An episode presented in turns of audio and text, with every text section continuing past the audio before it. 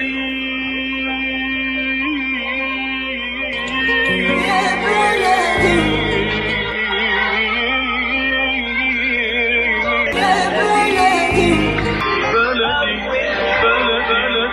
وسهلا بكل الذين ينضموا للاستماع إلى راديو بلدي اول راديو عربي أمريكي ويعنى بقضايا العرب في المهجر.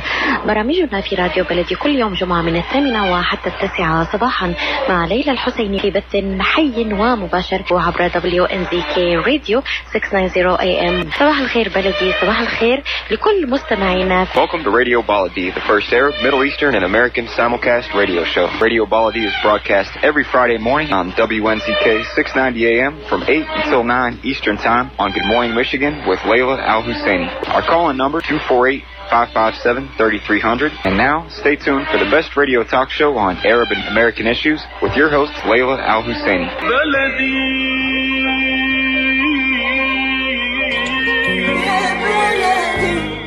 Good morning, and thank you for being with us. Uh, this is Khalil Hashim with YamMichigan.com. Today is Friday, December 3rd. A nice school day. We expect some snow in the forecast, but uh, other than that, it's going to be a typical December day. Thank you so much for being with us. So we're excited that you're going to be with us. And first, I'd like to share with you that, uh, um, you know, our thoughts and prayers are with the parents and the families of the shooting of the shooting of at the Oxford in Oxford at the high school there. There is nothing worse in the world than when family gets the news that their loved ones, the children, their bundle of joy is sent to school to learn have been shot. This is one of the worst thoughts that any parent, it's a nightmare. And, um, you know, as the authorities continue to do their investigation, you know, we, we just want to send our prayers and we want to send our, uh, our thoughts with the families and hope that this chapter, you know, will end. Not long ago, this happened. This happened many times in this country. It is the product of our culture. People taking up arms, and and we don't know what the circumstances were. We don't want to jump into conclusions and how this 15 year old, 16 year old got the gun from home and went to school and decided to shoot a bunch of his teammates, his, his schoolmates rather. And uh, it's very unfortunate. You know, uh, today, whether it is the media, the mainstream media, or the social media, everybody's talking about blame. We are the blame. The, this culture we have is the blame. You know, we're we're so crazy about uh, uh, this is my right to have this and this is my right to have that, and forget about responsibility. Responsibility is really what's important here. Yes, we are grateful to live in a country where we have a lot of rights and our rights are protected, but at the same time, you know, these rights, along with these rights, come responsibility the responsibility to own a gun, to carry a gun, to use a gun. All of these things are very important. I do support people have a right to, you know, to do a lot of things, but everything has limits. And we as a culture um, condone these things. You know, we don't want to face it. We try to put a blames on a lot of things, except putting the blames on ourselves.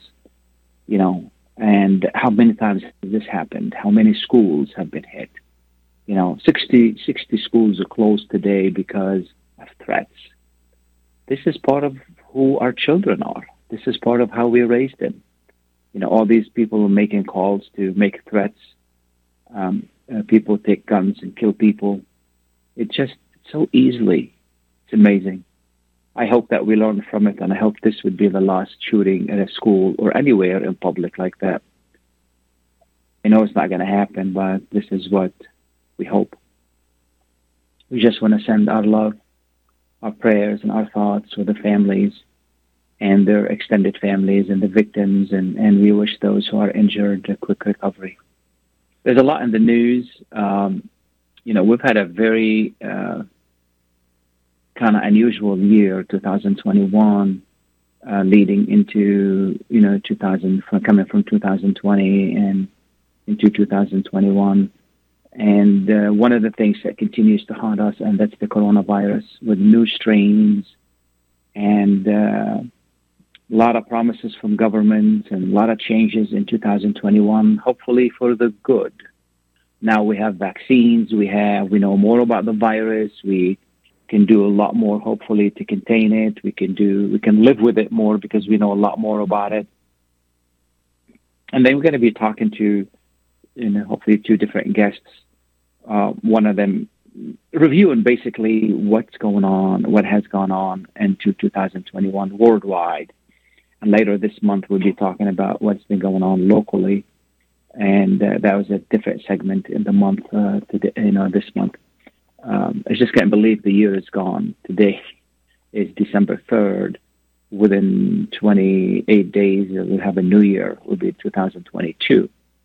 So uh, again, a lot has happened uh, during those years and we're going to be joined soon to talk about the Palestinian issue, what has changed there, which is, you know, not enough to really move this issue to any resolution.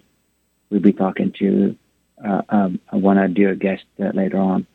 Um, also in the news, and I can't believe this continues to happen, Congress approves yet another extension to fund the government. I can't believe that we send these guys to Washington to do to represent us and do the business that needs to be done to run this government. And what they're doing is they're working against each other. You know, they are working against each other. When ideology trumps common sense, we're doomed. And that's what's going on in Washington. Ideology is trumping common sense.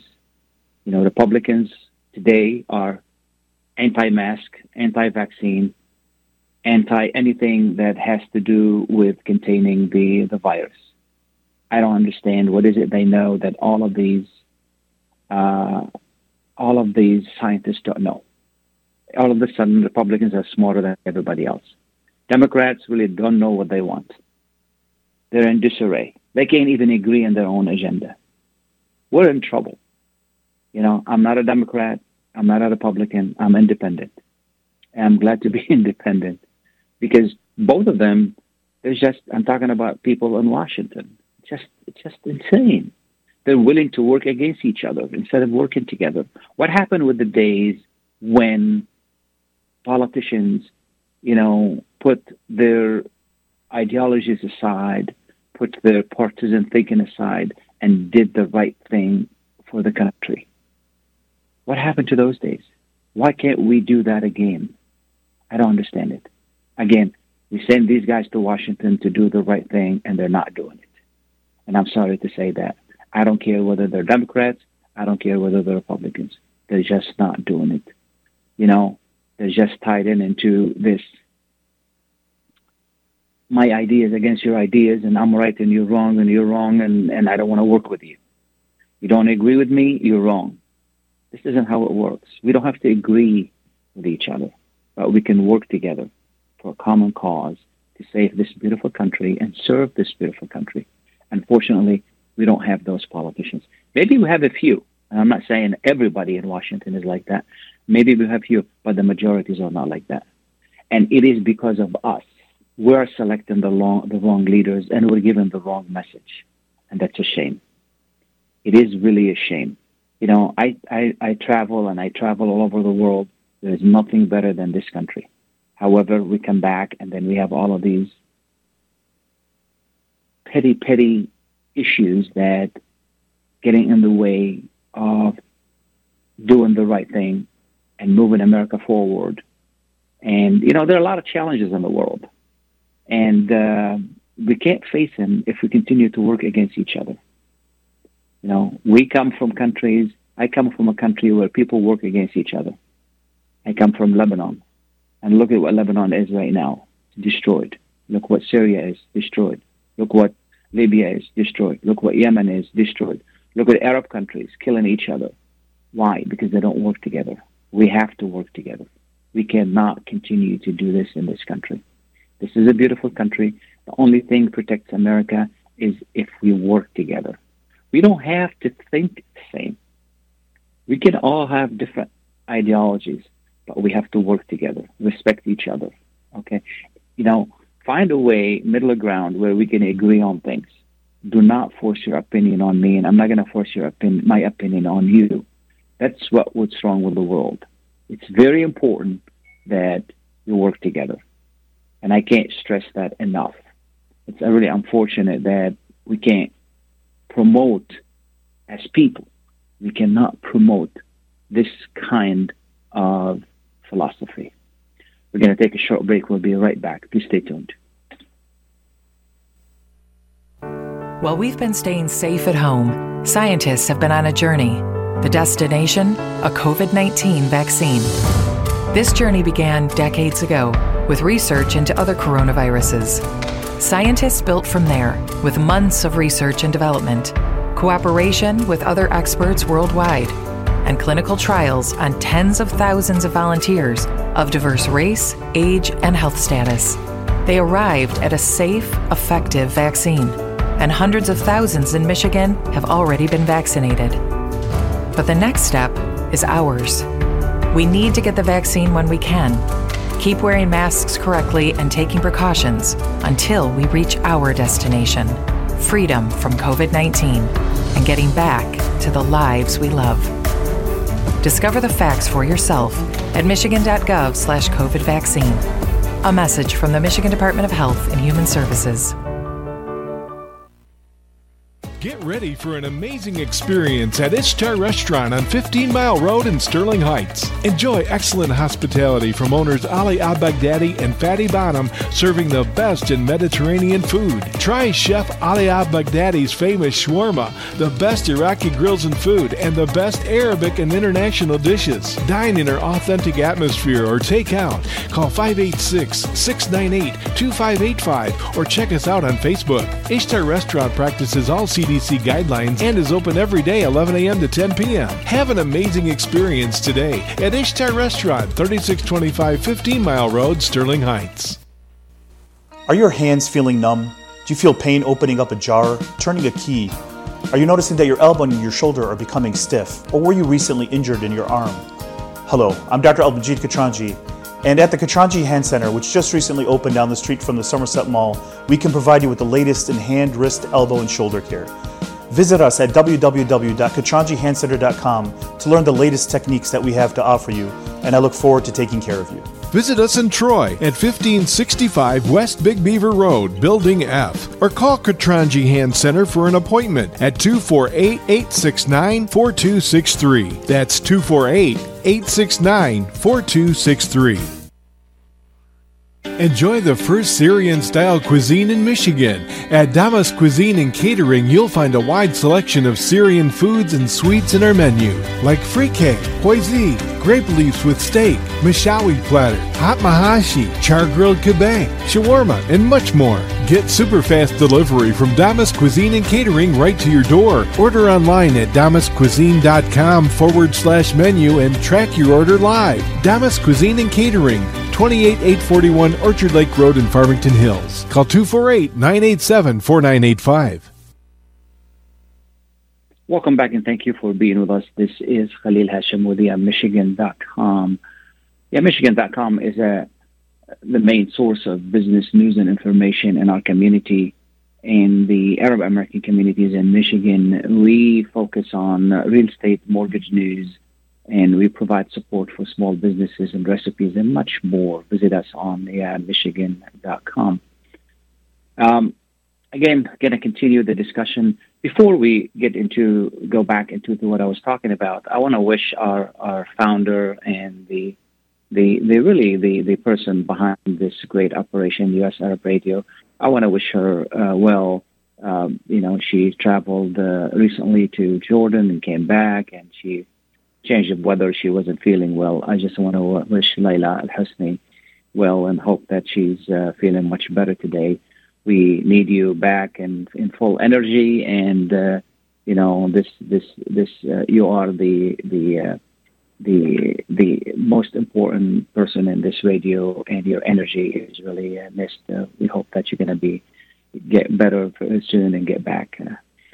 Um, we were talking about 2021, and, and it has been a very interesting year, specifically in the Middle East, and, and, and not not so good year in the Middle East. You know, the war in Yemen continues. Uh, a lot more innocent people are dying, and uh, uh, unfortunately, Arab countries are becoming more like a bunch of bullies recently one, uh, you know, if you criticize the war in Yemen, then the Saudis are going to go after you because the Saudis, with the help of the U.S. and and, and Britain, uh, are mainly responsible for the killing of most of the innocent people there because they're the one who are waging a war on Yemen, regardless of who's fighting inside the Yemeni countries, uh, you know, in, uh, inside the country of Yemen. There is a civil war going on. Iran is involved. Saudi Arabia is involved. Qatar is involved, I think, if I'm not mistaken. Other countries are involved, but most of the killing has really, um, most of the victims, you know, have been innocent people. Uh, the country is devastated. You know, I always wondered if Saudi Arabia had given all that money to the Yemenis when they really worship Saudi Arabia and, and solve that country, solve that conflict. And that goes to any conflict the other issues in the Middle East that has been really the main issues in the Middle East is the Palestinian, the Israeli-Palestinian issue, and uh, you know, regardless of what issues are going on in the Middle East, this is the main issue in the Middle East, and uh, you know, it has been going on since 1948, maybe longer, and hasn't been resolved yet. And with us this morning uh, our good friend uh, Dr. Khalil Jahshan, a Palestinian American political analyst and media commentator, is also executive director of the Arab Center, Washington, D.C. Dr. Jahshan, good morning. Thank you so much for being with us. Uh, good morning to you, Khalil. It's good to be with you. Thank you so much. Uh, just uh, very quickly, what's what's really what's the update? What has gone on in 2021 in regard to the Palestinian question? And then, are there any, you know, any signs that uh, there's going to be some kind of resolution?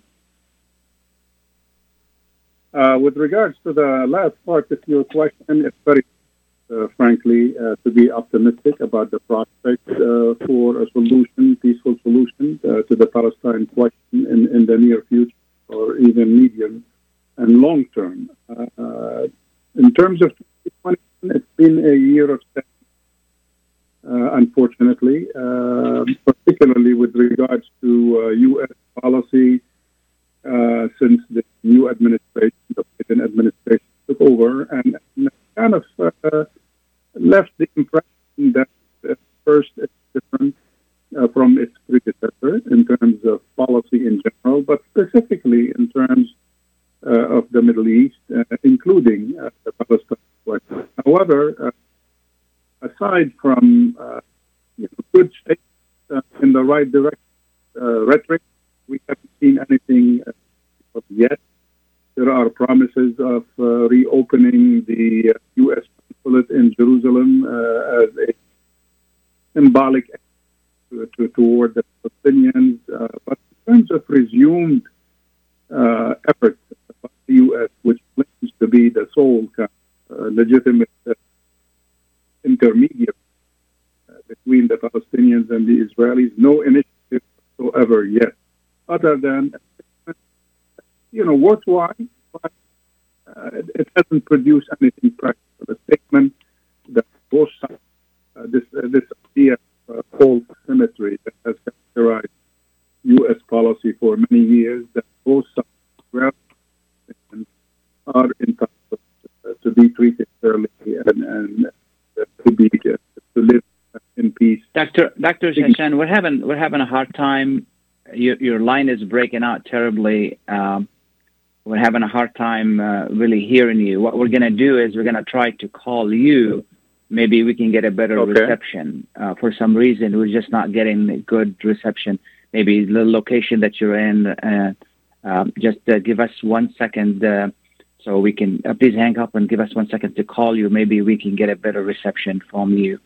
And as we wait okay. for that, uh, yes, as we wait for that, uh, you know, um, I just want to add that, uh, yeah, we have been kind of disappointed with the Biden administration. We thought it was going to be a departure from the previous administration and help us find a solution to the uh, to the Palestine issue, but um, unfortunately, um, you know, it's not. Uh, we haven't seen any major changes. Uh, you know, the talks in uh, in Palestine about uh, annexing the in Israel rather uh, annexing the occupied territories. That's the area that the Palestinians hope to uh, to um, you know to have their own state. I don't know at this point if it is really worth having a state, which is a territory of the Swiss cheese.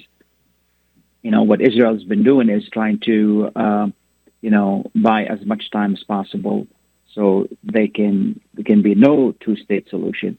I want to welcome Dr. Jahshan back, and maybe we can hear you better now. Uh, thank can you, you hear me? I apologize for the technical difficulties. That's here. okay. That's okay. That's okay. You know, we depend on technology, and sometimes it does not. We does are not at the us, mercy uh, of technology. Yes.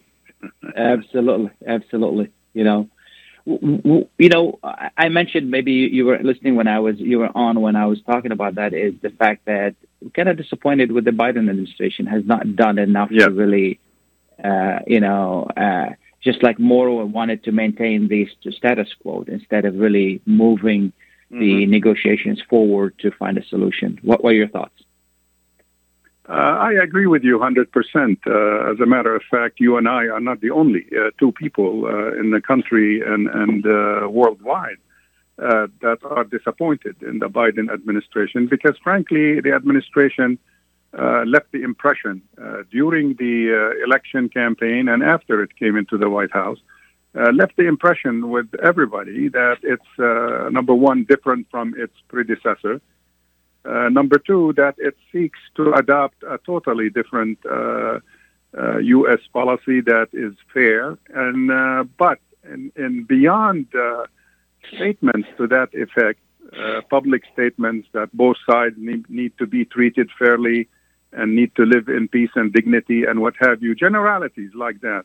We haven't seen any practical steps, and, and the ones that were promised, even though they were symbolic, uh, they were not even implemented, like uh, the reopening of the U.S. consulate uh, in in Jerusalem. So, other than maybe extending some humanitarian aid uh, to Palestinian refugees uh, through UNRWA and and uh, steps like this, we really haven't seen uh, anything. Even the recent visit. Uh, for the first time, uh, by a senior uh, Biden administration official, our ambassador uh, to the UN. Uh, that visit itself raised a lot of questions uh, about uh, the even-handed uh, nature of the Biden administration's policy. You know, uh, the the Trump administration was, you know, very pro-Israel, and then his son-in-law, President Trump's son-in-law, you know, who is um, Mr. Netanyahu's good friend, and and they lobbied for whatever they want to lobby for. Now, why should we expect more from the Biden administration, knowing that Mr. Biden is a, is a Zionist? His Secretary of Yeah. State is pro-Israel, and I mean, I don't see any changes there except uh, lip service. I don't know. What do you think? Well, I think that's a good question. Uh, uh, frankly, uh, change is in the eye of the beholder uh, when it comes to U.S. policy in the Middle East. Uh, um, as far as my memory serves me, uh, if it if it's still valid uh, at this age, I would say that uh, uh, most presidents, uh, in in memory, uh, in my memory. Uh, uh, have been uh, biased uh, to to Israel. That's the nature of uh, U.S. society uh, and its politics uh, in the in the region. Even though the U.S. Uh, claimed uh, and arrogated for itself the right to uh, uh, do all the peace processing in in the, in the region over the years, it hasn't really qualified as an even-handed arbiter uh, in this conflict. It has taken sides uh, in support of, of Israel all, all along. However, uh, this administration, as I said, promised during the campaign to be different. And, and frankly, uh, uh, it is different uh, from its predecessor. The Trump administration, for all practical purposes, not only sided with Israel, typically of all successive U.S. Administrations, uh, but it declared war on the Palestinians uh, in terms of severing relationship with them or, or, forcing them to sever relationship with the, with the U.S. Uh, cutting aid, uh, humanitarian aid uh, to the Palestinians, and, and essentially, in a shameless way, declared its, its one sidedness publicly and implemented it in, in, in, in policy. Uh, this administration claims to be different. So we are we are holding, if you will, this administration uh, for its words. Uh, we're not asking it uh, to to do something that it did not promise. Uh, but it's time, you know, after so much time in office, it's time for Mr. Biden to begin to deliver on this issue, while of course taking into consideration preoccupation with other domestic and, and, and other challenges facing the U.S. I mean, Palestine is not the only challenge, but it's an important challenge. Uh, the U.S. plays an important role in the region, plays an important role in impeding uh, peaceful solution, uh, you know, to, to, to, this question, plays an important role in the leadership of the so-called democratic world. Yet on, on this issue, there is somehow kind of Palestinian exceptionalism. We support democracy everywhere except Palestine. So unfortunately, we haven't seen any progress yeah. On the part of the administration. Is is the two state solution still a possibility, considering there's not much mm, land left, contiguous land left I, to really create a state? I don't think so. Uh, I think uh, it was a credible suggestion at one point uh, many years ago, but uh, frankly, the uh, adamant Israeli opposition to two states, which has become permanent policy in Israel, and the inability of the administration uh, to convince Israel to, to change that, even though that is the policy of the administration, uh, as evidenced by uh, statements as of today. The administration remains publicly on paper uh, in support and in pursuit of two-state solution. But the two-state solution has died long time ago. Uh, as we say in Arabic, Allah yarhamu. Uh, we should yeah, refer. Yeah. we should refer to the two, two-state solution as the late uh, two-state solution. It's no longer feasible uh, because of uh, continued Israeli annexation of Palestinian land, continued settlement building, uh, continued uh, steps, uh, de facto steps on the ground to prevent that, to prevent the implementation Uh, of this proposal, totally contrary uh, to the U.S., which, uh, in a way, you know, our tax money, your tax money, and mine. Are, are, supporting Israel and in a way are supporting its adamant uh, if you will, opposition to one of our main policy objectives in the region, the two-state solution. Absolutely. It doesn't make sense Absolutely. to me. That's why I've always called yeah. for normalizing relations with Israel, not allowing Israel to dictate U.S. policy. Absolutely, absolutely. Final thoughts uh, uh, on 2022. Uh, you know, in politics, there is always uh, one has to to be hopeful. Uh, there is always a little hope, as slim as this might be, uh, for the administration to wake up and to put its foot down and and say this is what we would like to see in the region. Uh, but uh, it's difficult, as I said earlier, to be hopeful in the context of passivity and and lack of not only political will but moral will uh, to confront the Israelis. A case in point is, as I said, the recent uh, visit by our UN ambassador uh, to Israel, Palestine, and Jordan. She attempted uh, to be even handed in, in, her statements, but frankly, the, the lack of symmetry in U.S. Uh, position uh, came across very clear, even in the time she spent with each party and the quality of the meetings she held and the inability, even the lack of courage to even have a picture on her website of her meeting with the Palestinian leadership. So it, it, it is very difficult to be optimistic, uh, even with the declared intention of this administration to be different. Well, Dr. Jahshan, I really pre- appreciate you being with us this morning. Hopefully, things will change and provide better time for the Palestinians, uh, you know, for a change. Thank you so much. God willing, inshallah. Thanks. Okay, and happy New Year, just in case I don't talk to you before the end of the year. Thank you. Same to you and gonna- uh, to your listeners. Yeah. Bye bye. Thank you. Bye now. We're going to take a short break. We'll be right back. Please stay tuned. In the face of COVID 19, staying healthy is important. And now the same is true in the face of flu. Influenza has the potential to infect millions, putting lives and the healthcare system at risk. Now more than ever, getting your flu vaccine is essential. Flu vaccines are proven to be safe and effective.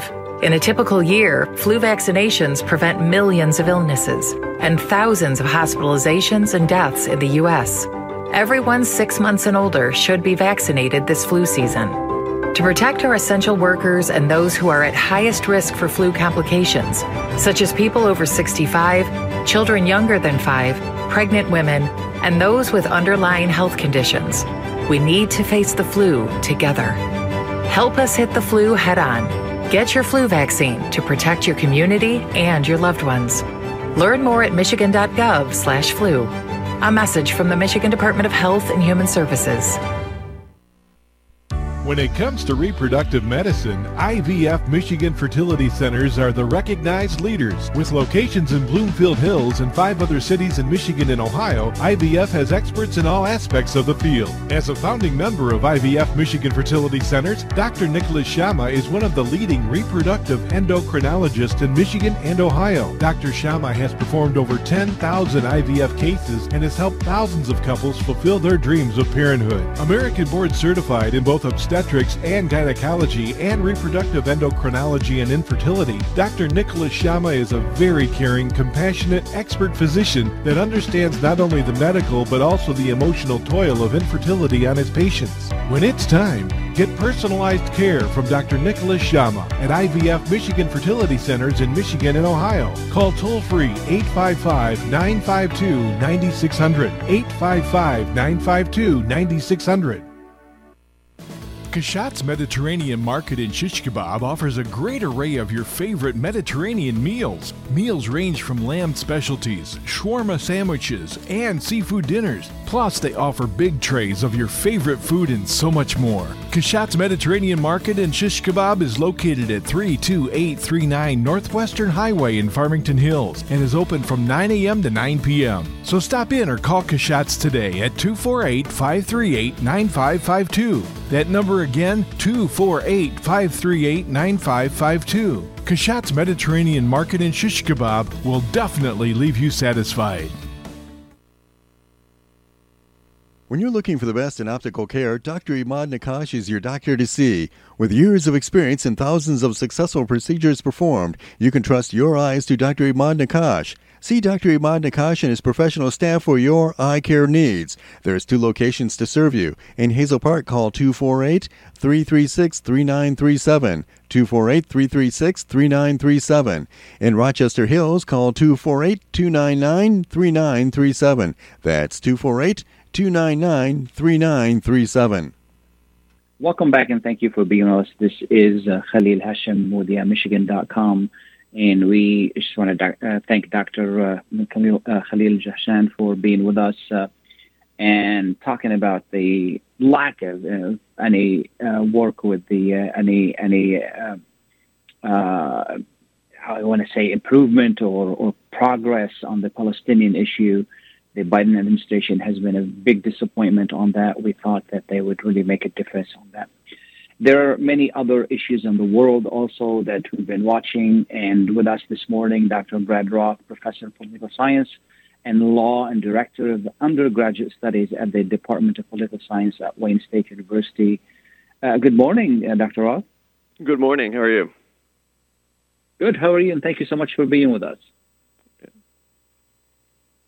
Um, you know, to before we leave the Palestinian question, which is, is the continues to be the main question in the Middle East. Uh, um, any thoughts on what 2022 uh, would could bring us that uh, 2020 21 did not? Hmm. Well, I think looking for improvements in the short term is, will probably be fruitless. I think, though, that in the longer term, what we're seeing is a transformation slowly of consciousness about the nature of the Israeli project. Um, as you know, we continue onward indefinitely in this period of, of supposed peace process that never yields uh, any kind of progress. And so I think that you know when you have the kinds of events that have taken place in the last couple of years, um, you know, with renewed consciousness about issues of colonialism and race and uh, the the the nature of of what a certain kind of supremacy has wrought in particular parts of the world, including here. Um, I think that there's there's a possibility for people to come to a different kind of understanding about what actually is occurring um, we have a situation where the Israelis have managed to have it both ways with respect to many issues.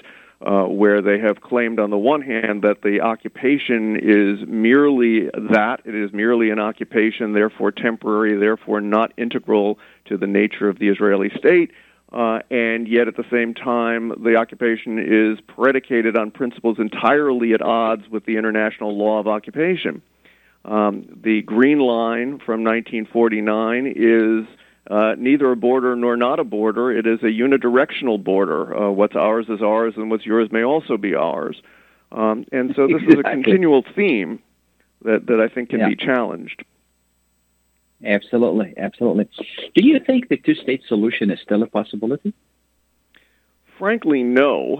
Um, I think that the facts on the ground have been established in such a way as to basically preclude this. But I think also that the important thing for, for people who continue to advocate the, the two state solution in good faith, um, there, it is sort of put up or shut up time that um, the, the, the point needs to be made that if we continue on the path that we're on, uh, we are going to need an entirely different framework for understanding what the relationship is between Israelis and Palestinians.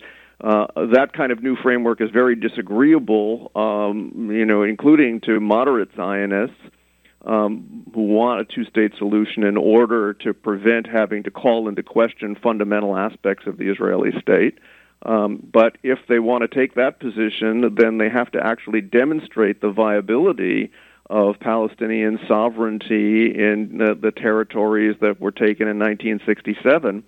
Uh, and that uh, is uh, is an onus that can be placed on people, but it's an onus that, that frankly they can't bear. The, the record demonstrates that. Absolutely, absolutely. You know, to move on to uh, you know what's going on in Washington, they I mentioned something early in the program. Uh, you know, to to my dismay, they're still kind of pickering at each other, and they're not really accomplishing what they wanted to accomplish. Republicans, Democrats don't like each other, don't work together, working against each other. Uh, uh, is there any way these things can change, or this is going to get worse next year? I think it's going to get worse. Uh, anytime you're headed into an election year, things are worse. Republicans are emboldened by the uh, results of the uh, elections uh, locally in Virginia and in New Jersey uh, in November, and they also have favorable polling numbers in, in a number of different ways. And so they have every reason to be more resistant to the Biden administration's agenda and I think we're we're going to see uh, all the more posturing over time. Um, one wild card in all of this is actually the the Roe versus Wade question, uh, as the Supreme Court con- considers uh, whether or not to upend a precedent that's been in place since 1973.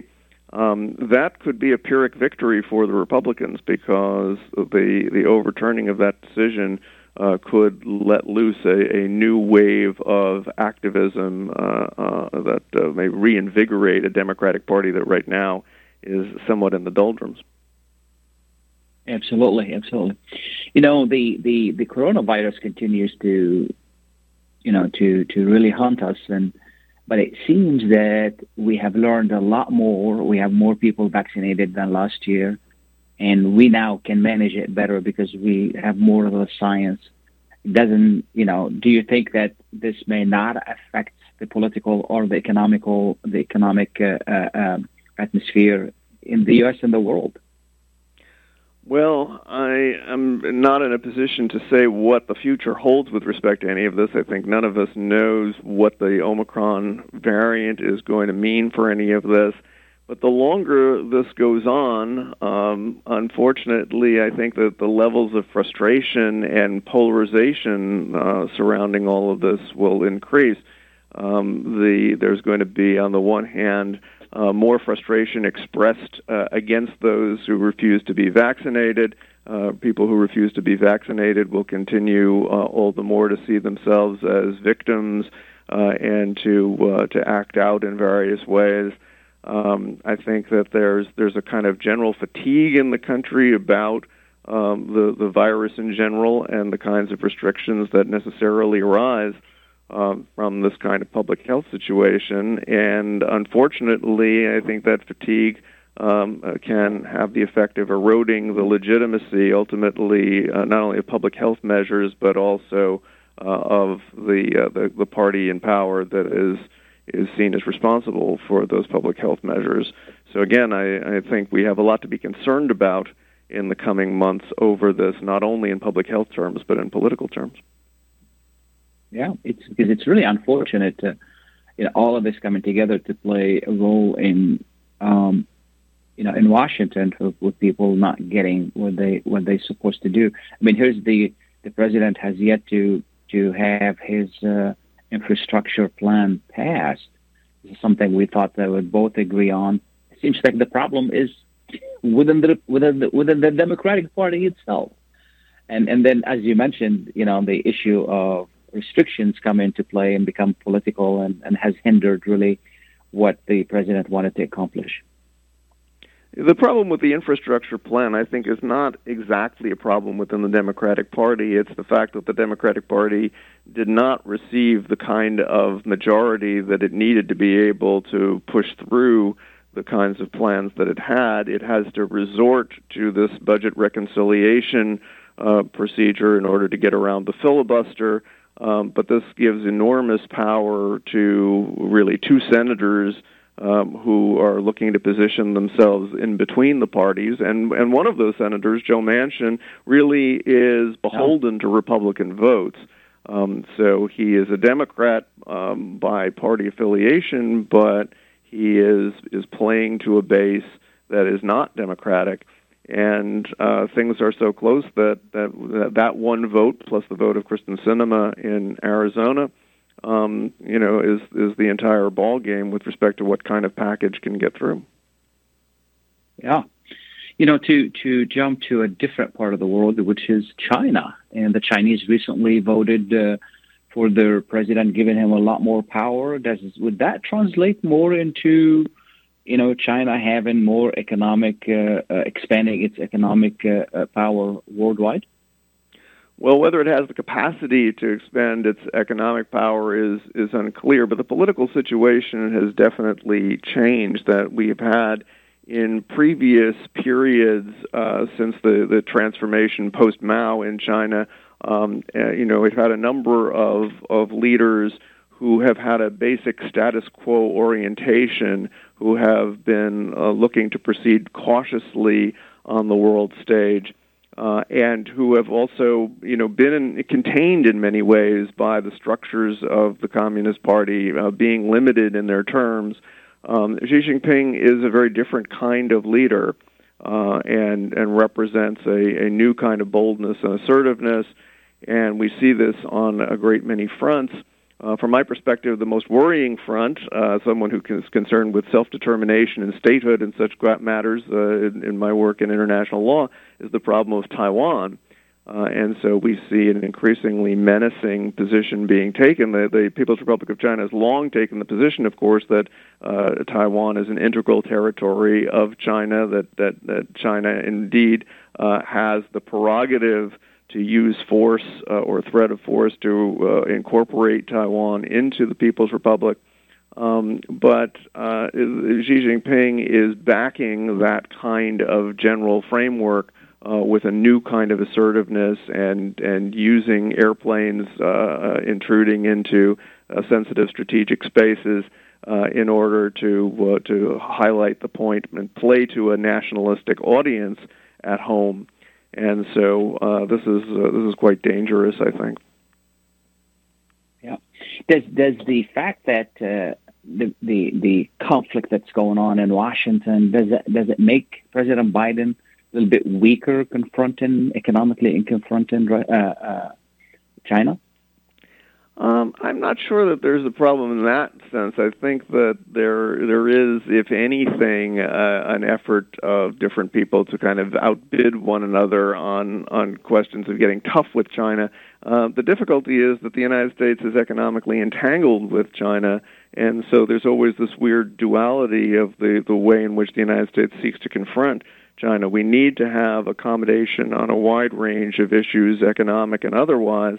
Um, and at the same time, uh, we you know, feel uh, you know this uh, clear sense that, that the the Chinese uh, military is is taking measures in in the region um, that are uh, potentially damaging to collective security. And so um, the the question is whether it's going to be possible to maintain a kind of working relationship on with the Chinese on the sorts of questions where cooperation is desperately needed, including international public health, um, uh, while at the same time facing down the Chinese on at least a few of the the fundamental questions. I think the Chinese are going to get their way with a lot of this, uh, in, in including uh, this construction of islands in, in the South China Sea, and really sort of turning that into uh, a, a, a Chinese lake, as it were. Um, but the I think more fundamental questions have to do with how human beings are being uh, treated in different places, especially Xinjiang province, um, and uh, and of course the also the, the confrontation with Taiwan, and, and it'll be interesting to see whether it's going to be possible to to muster a, a kind of demonstration of resolve in the face of China's very real influence uh, in in economic uh, and and other geostrategic terms. Absolutely. You know, jumping to Russia, uh, Putin seems to solidify, continue to solidify his power in, in, in Russia. He seems to be going nowhere. this guy has been there forever, and and and there has been some disdain between him and the the the you know this administration. He wanted to, he was supporting uh, uh, President Trump, but uh, you know what what what what what could happen in 2022 that we didn't see in 2021 um, well, again, always hard to tell. Uh, that, but Putin is uh, certainly uh, flexing his muscles in a number of different ways. Uh, one having to do with natural gas supplies, uh, in in Europe, another having to do with this uh, refugee crisis on the border of Belarus and Poland, which Putin seems to be pulling the strings behind. Um, he has a number of ways. There are a number of pressure points um, that that, that Putin can exploit in increasing his leverage. One area is Bosnia. Uh, where he has a, uh, a kind of a clientelistic relationship uh, with Milorad Dodik, who is the uh, leader of the Bosnian Serb entity, Republika Srpska, um, which is always looking to destabilize the Dayton Peace Accord uh, solution in Bosnia, the consociational solution in Bosnia, and um, and these are are uh, kind of irritants um, that that Putin can play on in order to potentially extract uh, concessions, uh, perhaps extract a, a, reduction in sanctions against uh, against Russia, um, and it'll be interesting to see how this plays out. Um, because there is a substantial potency to his, his capacity to, to make trouble for for various actors, particularly within Europe. Yeah. Finally, the negotiations between the Europeans and Iran. You know, this has been one of the biggest issues really fueling conflicts in the Middle East. And the U.S. decided uh, during the Trump administration to walk away from the agreement, uh, the nuclear agreement. And, and now, although the U.S. is not part of the negotiations, but there are hopes that there'll be some breakthrough in there. Uh, you know, and Iran is asking for to relieve itself from some of the sanctions imposed by the U.S. Uh, um, I, you know, how has this, uh, uh, you know, what what what could happen there? Um, I, it's it's unclear to me because I have not followed the details of what the European countries have been doing, what positions they've been taking. The, the interesting thing is that the, the way in which the United States has been kind of put out of the game. Um, the, there's a real cost to making agreements and breaking them. Uh, even though this was not a uh, officially a legal agreement, it was an international political agreement, uh, but it represented the solemn word of the United States in the international system. Uh, and the United States has kind of demonstrated itself uh, not to be a reliable partner in in agreements. And I think that that, in the end, will have long-term significance in terms of of being of, of eroding the capacity of the United States uh, to be able to conclude uh, uh, agreements that are, are significant to international peace and security. I think that the United States has clearly worsened uh, the security situation by withdrawing from the agreement with Iran. Uh, the question of whether the European powers can now, in some way, uh, retrieve some aspect of, of the security that had been gained by that agreement remains to be seen.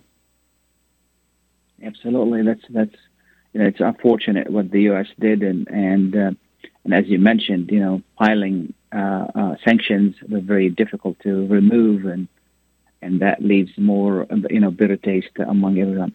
Is there an and and part of the work that we missed that you like to uh, to bring up? Uh, any final words? Um, well, I don't know. There are there are many things going on in many places. Um, um, uh, one one area that I've uh, tended to focus on very recently is Northern Ireland and the effect of the uh, the Northern Ireland Protocol uh, on conditions relating to the peace agreement in Northern Ireland, and and uh, I've been looking at the peace agreement in Northern Ireland as in some way a model for reconceptualizing the relationship between Israelis and Palestinians. Um, but the uh, the the British. Uh, have uh, done some very peculiar things in their uh, effort to divorce from the European Union. And what they've done in many ways is to, to leave their allies in Northern Ireland, the Unionist com- community, hung out to dry uh, by establishing a sea border effectively, um, leaving Northern Ireland for, for many purposes within the scope of, of European Union trading relations. Uh, and this has has created uh, some very interesting tensions there um, and a remarkable level of duplicity on the part of the Boris Johnson government, uh, which sold its its Brexit agreement um, as as meaning one thing for Northern Ireland when very clearly it meant something else. Um, and uh, and I think that the loss of credibility uh, of the Johnson government on that front, along with some other fronts, uh, is uh, is potentially going to be transformative uh, to to the politics there in the short term. I want to thank you so much for for for being with us, and and want to wish you happy holidays and uh, happy New Year. If we don't talk to you before the end of the year, and hopefully that the world will find a way to be more saner in 2022 than it has been in 2021. Well, thank you very much. Good talking with you. Thank you so much. We're going to take a short break. We'll be right back. Please stay tuned. At Top Rehab Physical Therapy Clinic in Dearborn, we provide effective physical therapy sessions in order to limit pain and discomfort. Top Rehab provides physical therapy care for any diagnosis prescribed by a physician, and we regularly see and treat conditions such as stroke, TMJ, fibromyalgia, sciatica, joint pain, and more. We use a variety of pain management methods, including modalities, soft tissue mobilization, and therapeutic exercise. If you're in need of physical rehabilitation or physical physical therapy, get the highest quality health care at Top Rehab. Most insurance is accepted and we're open Monday, Wednesday, and Friday 8 to 6, Tuesday and Thursday 8 to 5, and Saturday 10 till 2. Call for an appointment today at 313 846 0555. That's 313 846 0555. Choose Top Rehab Physical Therapy Clinic on Michigan Avenue in Dearborn. Life's too short to be in pain. A nonprofit charity that's provided humanitarian aid and development to people and communities for over 25 years, regardless of race, color, religion, or cultural background. When disaster occurs here or around the world, Life for Relief and Development rushes in to provide food, medical aid, and shelter to those in need. Please help improve these efforts. Make your tax deductible donation to Life now at lifeusa.org or call 248 424 7493. Are you going to start a restaurant or a grocery store soon?